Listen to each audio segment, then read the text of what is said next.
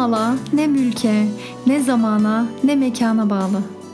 Hayat sevinci duygu ve düşüncelerine bağlı. Duygu ve düşüncelerin mekanına, Pedagog Abla kanalına hoş geldin. İsmim Ebrar Demir. Uzman pedagog olarak kaybettiğin hayat sevincini tekrar bulman için seni destekleyeceğim. İyi dinlemeler.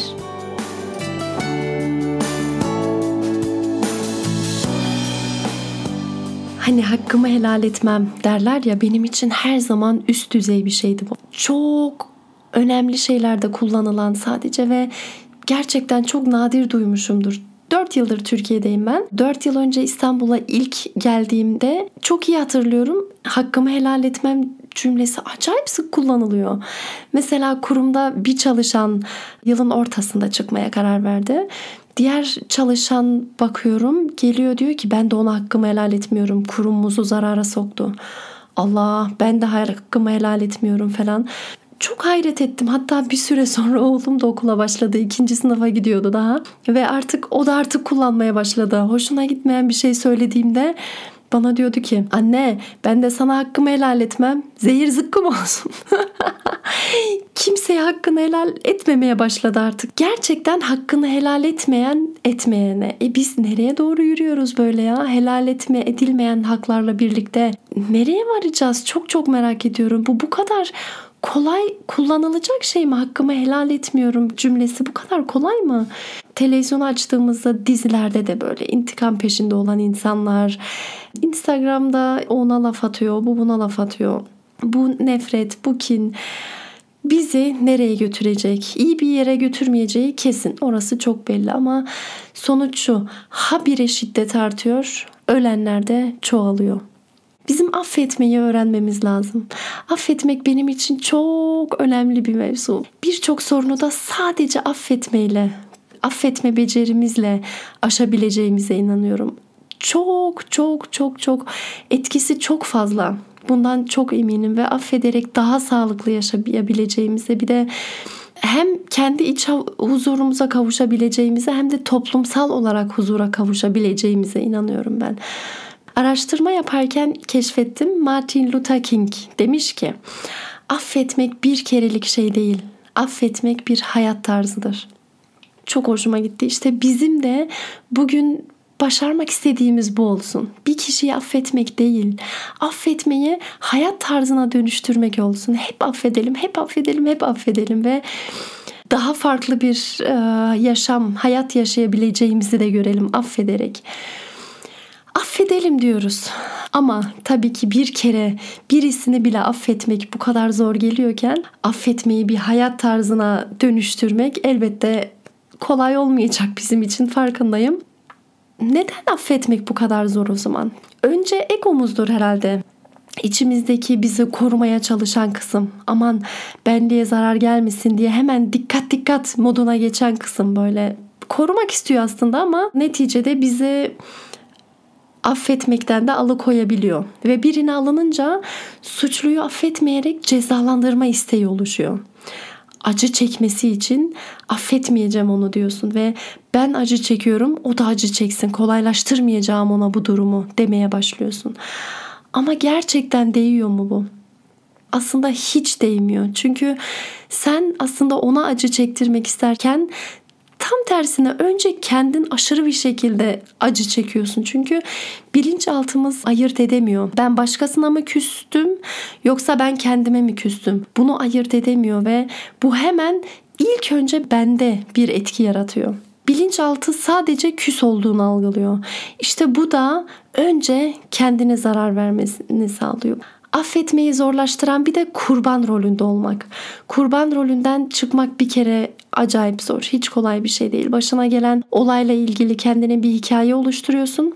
Ne olursa olsun bir olay oldu ve sen hemen kendi hikayeni kurguluyorsun o olaydan. Bir çıkarımda bulunuyorsun. Hemen hikaye böyle oldu diyorsun. Belirli duyguları da entegre ederek. Başkalarının hikayeleriyle zaten ilgilenmiyorsun bile kurban rolündeyken. Etrafındaki suçluları belirliyorsun. Bu suçlu, bu suçlu, bu suçlu. Evet o da suçlu çünkü bu da böyle yapmıştı falan. Artık bir şey yapmana da gerek kalmıyor. Yapmıyorsun da. Kurban rolündesin çünkü. Ne yapacaksın ki? çaresizliği öğrenmişsin. Bu kavganın bir çaresi yok. O o o, suçlu bitti bunu böyle çekeceğim. İşte asıl güç ne zaman oluşuyor? Evet bunu bunu bunu yaşadım. Hiç hoş değil bu yaşantı ama ben yaşadım ve bu yaşantıyı da kabul ediyorum dediğinde asıl güç o zaman başlar işte. Suçlamayı bırakırsın ve hayatımdan o o o o o, o sorumlu demeyi bırakırsın. Ben sorumluyum demeye başlarsın. Her şeyden ben sorumluyum. Ben yaptım. Ben böyle davranmaya karar verdim. Kararı onlara bırakmıyorum. Onlara bıraktığımda herkes suçlu oluyor ve bir çıkmaza giriyorum. Ama buna buna buna ben böyle tepki verdim dediğinde sorumluluğu üstlenmiş oluyorsun ve birçok şeyin üstesinden gelebiliyorsun. Belki biri geldi arabasıyla bana çarptı ve yine de ben mi sorumluyum? Diyor olabilirsin. Evet yine ben sorumluyum. Çünkü bu davranışa vereceğim tepkiden yine ben sorumluyum. Başıma ne gelirse gelsin bu gelen başıma gelenlere vereceğim tepkiden yine ben sorumluyum. Affetmenin sağlığa iyi geldiğini biliyorduk zaten. Hani organlarımıza bile bedenimize iyi geldiğini çok iyi biliyorduk. Ama bugün şunu bile biliyoruz. Affetmeyi sadece düşünmek bile, aklından geçirmek bile sağlık getiriyor. Ne kadar büyük bir şey ki sadece düşünmesi bile insana iyi geliyor. Ama tabii şunu da diye olabilirsin. Demesi kolay ama sen başıma gelenleri bilmiyorsun ki de diyor olabilirsin. Mesela ne bileyim babam mirası sadece oğullarına bıraktı. Eşim beni terk etti. Annem beni istemediğim kişiyle evlendirdi. Arkadaşım bana ihanet etti gibi bir sürü şeyler var tabii ki. Yine de mi affetmeliyim? Yine de affetmelisin. Onları affetmen onlara haklı bulduğun anlamına gelmiyor ki. Kendime zulüm etmek istemiyorum anlamına geliyor. Elbette hukuken hakkını yine ararsın, elinden ne geliyorsa onu yaparsın ama içten içe en azından kin beslemezsin ve durumu kabul edersin ya kardeşim benim de böyle bir imtihanım var ve bu imtihanla mücadele ediyorum. Ama yok niye böyle oldu, niye beni buldu, niye bu böyle yaptılara girince işte o sana zarar veriyor. Başkalarına değil ilk önce sana zarar veriyor. Yani affetmek benimle alakalı affedilecek bir olay olsun olmasın. Ben her zaman affediyorum. Ben iyi olmak istiyorum. Bu yüzden affediyorum. Ben huzurlu olmak istiyorum. Bu yüzden affediyorum. Enerjimi kaybetmek istemiyorum. Bu sebeple affetmeye karar veriyorum. Çok daha ağır şeyler yaşayan var. Tecavüze uğramak gibi, bıçak çekmelere maruz kalmak gibi. Böylesi kötü yaşantıları bile affederek iyileşenler var ve Zaten bunları yaşayanlardan görüyoruz ki sadece affedebiliyorsa bu insan sonradan iyileşebiliyor. Ama asla affetmem bir sürü düşünceler ekleyip de isyana kaçınca işte o zaman olumsuz yaşantılardan çıkmak imkansız gibi bir hal alıyor. Affetmek için önce hikayeni değiştirmelisin. Affetme ile ilgili araştırmalarımda güzel bir cümle keşfettim. Diyor ki: Affetmek hikayemin olduğu gibi olmadığını anlamaktır. Nasıl yani? Herkes bir yaşantıdan sonra bir olayı değerlendiriyor ve kendisine bir hikaye kurguluyor. Böyle oldu, böyle oldu, bitti. İnsan bu hikayesinin de tek doğru olduğuna inanıyor. Çok ilginç. Oysa bir insanın hikayesi aslında olası bin tane hikayeden sadece bir tanesidir. Suçladığın neden öyle davranmış? Onun da kendi hikayesi var ona baksan ve o hikayeyi ele alabileceğin bin türlü çeşit var aslında ama sen o bir tane olaya bir hikaye kurguladın ve o senin mutlak gerçeğin oluyor. Çok ilginç anne babana ya da birine alındıysan eğer neden böyle yapmıştınız ki diye sor onlara gerçekten açık açık sorman çok çok faydalı çünkü onların anlattıklarına bak bambaşka bir hikaye çıkacak ortaya. Bu daha çok yakında benim başıma geldi. İçten içe yaşadığım bir olay vardı böyle. Düğünlerde gördüğümde herkes çok mutlu, herkes çok neşeli gördüğümde annemin hep o üzgün görüyordum ve o onu hatırlıyordum hep ve içimdeydi yani niye benim için tamam üzülüyorsun ama birazcık da sevinseydin ya benim için gibi duygular vardı içimde. Tabii söylemedim de yıllarca Ama en son Yalova'ya gittiğimde laf açıldı. Böyle bir konuşuyorduk. Ondan sonra laf arası dedim ki ya dedim işte tabii dedim bizim düğünde hiç de mutlu değildin gibi bir şey söyledim. İşte üzüntülüydün falan hani. Allah annem bir anlatmaya başladı tam da o zamanlar çektiğimizi hatırlamıyor musun? Ebrar başımıza bunlar geldi ya. İşte böyle oldu ya. Baban e, bunu bunu yaşadı ya. İşte biz senin evleniyorsun diye ceyizini toparlamakta bile zorluk çektik. Bunu yaptık bunu yaptık. Allah dedim. Yo ben bunları hiç böyle hatırlamıyordum. Bana ne gerekiyorsa alınmıştı diye hatırlıyordum. Oysa arkasında neler neler varmış. Ve bunu duyun bak böyle bir şaşırttı ve çok çok iyi geldi. Bu yüzden neymiş acaba bunun arka planı? Ben kendime bu hikayeyi anlatıyorum ama başka hikayeler neymiş? Bunları dinledikten sonra zaten aciz olduğunu anlıyorsun. Her şeyi bilmediğini ve senin hikayen bir sürü hikayelerden sadece bir tanesinin olduğunu anlıyorsun. Bu durumu açıklayan Mevlana'nın Mesnevi'de bir fil hikayesi var. Karanlıkta birçok insan işte filin bulunduğu odaya giriyorlar. Hepsi filin bir yerini tutuyor ve bir şeylere benzetiyor. Mesela birisi borusunu tutuyor ve oluğa benzetiyor. Birisi kulağını tutuyor ve yelpazeye benzetiyor. Biri ayağına tutuyor, direğe benzetiyor gibi. Şunu kabul etmeliyiz. Fili göremiyoruz aciziz. Kendi yaşantılarımıza göre çıkarımlarda bulunuyoruz.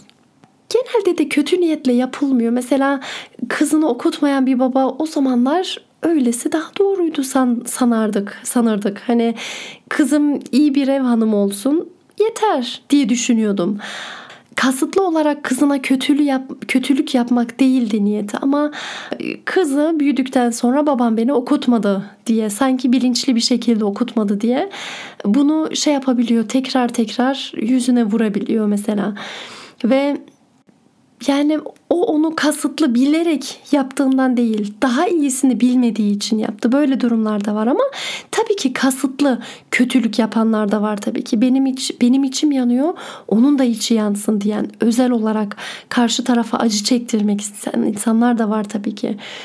Ama ister kasıtlı yapılsın, ister kasıtsız hiç fark etmez. Çözüm yine affetmekte affetmek için sorumluluğu yüzde yüz eline almalısın. İstemeyerek evlenmiş olsam bile eşimin bana uyan yanları şunlar, bana uymayan yanları şunlar. Şu an onunla iyi anlaşmak benim elimde. Onunla anlaşamadığım için boşanma kararı almak da benim elimde. Mücadele edeceğim. O bana istediğim gibi davranmıyor mu? Davranışlarını değişmesi için yüzde yüz elimden ne geliyorsa yapacağım. Bu strateji olmadıysa bu stratejiyi deneyeceğim. Her şey mümkün sonuç önemli değil. Önemli olan gerçekten bu kurban rolünden çıkıp mücadele etmek. Ben bir şeyleri değiştirebilirim demek. Ben istersem çok şey başarabilirim demek ve e, görüyoruz sonuçta istemeyerek evlendin ama isteyerek evlenenlerin de halini görüyoruz. Hiç oralara bakmıyor. Sen bugün ne yaparsam daha iyiye gider. İşin burasında olmamız lazım. Şöyle söyleyebiliriz sanırım. Affetmek kurban olmaktan vazgeçmek demektir. Affetmek aslında özgürlüğün anahtarıdır diyebiliriz. Kur'an'daki ayetler de sürekli affetmenin önemini hatırlıyor, hatırlatıyor zaten. Hatta dinimizin ismi bile bize affetmeyi buyuruyor. İslam dini diyoruz ya SLM kökünden geliyor ve selamet ve barış anlamına geliyor. Barış da ancak affetmekle gerçekleşir. Affetmeyle ilgili benim için dönüm noktası olan ta lise öğrencisiyken bir hocanın anlattığı bir hadisti. İlahiyatçı değilim ne olur beni e, yargılamayın. Sahih mi değil mi? Orasını bile bilmiyorum ama e, bana affetmeyi öğretti. Bu yüzden sizinle tam bilmesem bile sizinle paylaşmak istiyorum bunu. Hmm, şöyle anlattı. Peygamber Efendimiz o zamanlar yaşayan bir adamı övüyor ve herkes merak ediyor. O bizim yapamadığımız neyi yapıyor ki Resulullah onu övüyor? Adamı takip ediyorlar böyle camdan bakıyorlar. Adam camiye girdiğinde görüyorlar ki sadece farz, farz namazlarını kıldı. Öyle ayrıdan bir sürü başka başka namazlar kılmadı gününü gayet normal geçirdiğini görüyorlar ve sonunda merak edip sormaya karar veriyorlar. Sen ne yapıyorsun da peygamber seni övüyor? Biz seni gör, izlemeye çalıştık ama öyle başka ayrı bir şey yaptığını görmedik. Adam da diyor ki benim sizden farklı yaptığım hiçbir şey yok. Ama diyor ben şunu yapıyorum. Her gece yatmadan herkesi affediyorum. Öyle uykuya dalıyorum. Aa bu bana bir pratik geldi, bir açıklayıcı geldi ve kolay geldi. Bunu ben de yaparım ya dedirtti bana. Ve yaptım da her gece yatmadan kime kızdıysam onu aklıma getirdim. Neden öyle davranmıştır ki üzerinde düşündüm. Demek ki bir derdi var. Anlamaya çalıştım ve yetmedi. Demek ki yardıma ihtiyacı var diye dua ettim. Zaten bir kişiye dua ettikten sonra o kişiye kin duymak da artık mümkün olmuyor. Çünkü sen de onun iyiliğini düşünüyorsun hani. Oo böyle yaptıktan sonra da zaten herkesle barışıp mis gibi uykuya dalıyorsun. Sana da kesinlikle tavsiye ederim. Aradan neredeyse 20 yıl geçti ve hala bu şekilde ilerliyor ama tabii ki bilerek böyle her akşam şimdi affetmeliyim demiyorum artık ama bu kendiliğinden zaten öyle bir hayat tarzı oluşmuş oluyor bile olumlu şeyler düşünerek yatmış oluyorsun ve bu gerçekten çok çok iyi geliyor. Ve bu bölümü de bize affetmeyi hayat tarzına çevirebileceğimizi öğreten güzel bir öyküyle bitirelim istiyorum. Yolda olan iki tane arkadaşın hikayesi. Birlikte yürürken ikisinden birisi çukura düşüyor. Diğeri onu çukurdan hemen kurtarıyor. Kurtulan arkadaş eline bir taş alıyor ve taşa ucu sivri ucu olan bir şeyle oyarak bugün benim bir arkadaşım canımı kurtardı yazısını yazıyor. Aradan biraz vakit geçiyor. Daha az önce çukurdan çıkaran, onun canını kurtaran arkadaşı şimdi de ona bir tokat atıyor. Arkadaşı bu sefer de eline bir çubuk alıp kumun üzerine yazıyor. Bugün can dostum bana bir tokat attı diye. Arkadaşı merak ediyor ve soruyor. Söyler misin canını kurtarırken taşa oymuştun. Şimdi niye kuma yazıyorsun? Hani ne oldu? Arkadaşı ona şöyle cevap veriyor. Sana iyilik yapan birisi olursa onu taşa yaz ki hiç silinmesin. Hep kalsın o yazı. Sana kötülük yapan olursa da onu kuma yaz ki bir dahaki rüzgarla hemen silinsin gitsin. Wow. Biz de yapılan iyilikleri taşa yazarak hiç unutmayalım. Yapılan kötülükleri de gelen ilk sevgi rüzgarı ile hiç olmamış gibi sayalım ve bunu bir kerelik değil hayat tarzımıza dönüştürelim. Martin Luther King'in dediği gibi affetmek hayat tarzımız olsun. Bugün benim için en önemli konulardan bir tanesini paylaştım sizlerle affetme konusunu. Bana öyle geliyor ki hayatta gerçekten en önemli becerilerden bir tanesi affetmek. Hatta belki de kim bilir en önemli beceridir. Hayat sevinci diyoruz ya. Hayat sevincine ulaşabilmek için, hayat hayatta sevinçli olabilmek için bir anahtar beceri. Yüzden dinlediğiniz için çok teşekkür ederim. Etrafınızda varsa affetme konusunda zorluk çeken, bir türlü affedemeyen insanlar işte onlarla bu bölümü mutlaka paylaşmalısın. Hatta Pedagog Abla kanalına desteklemek istiyorsan diğer bölümlerini de paylaşırsan çok sevinirim. Instagram ve Facebook üzerinden Pedagog Abla, et Pedagog Abla üzerinden takipte olun. Görüşmek üzere sevgilerimle Ebrar Demir.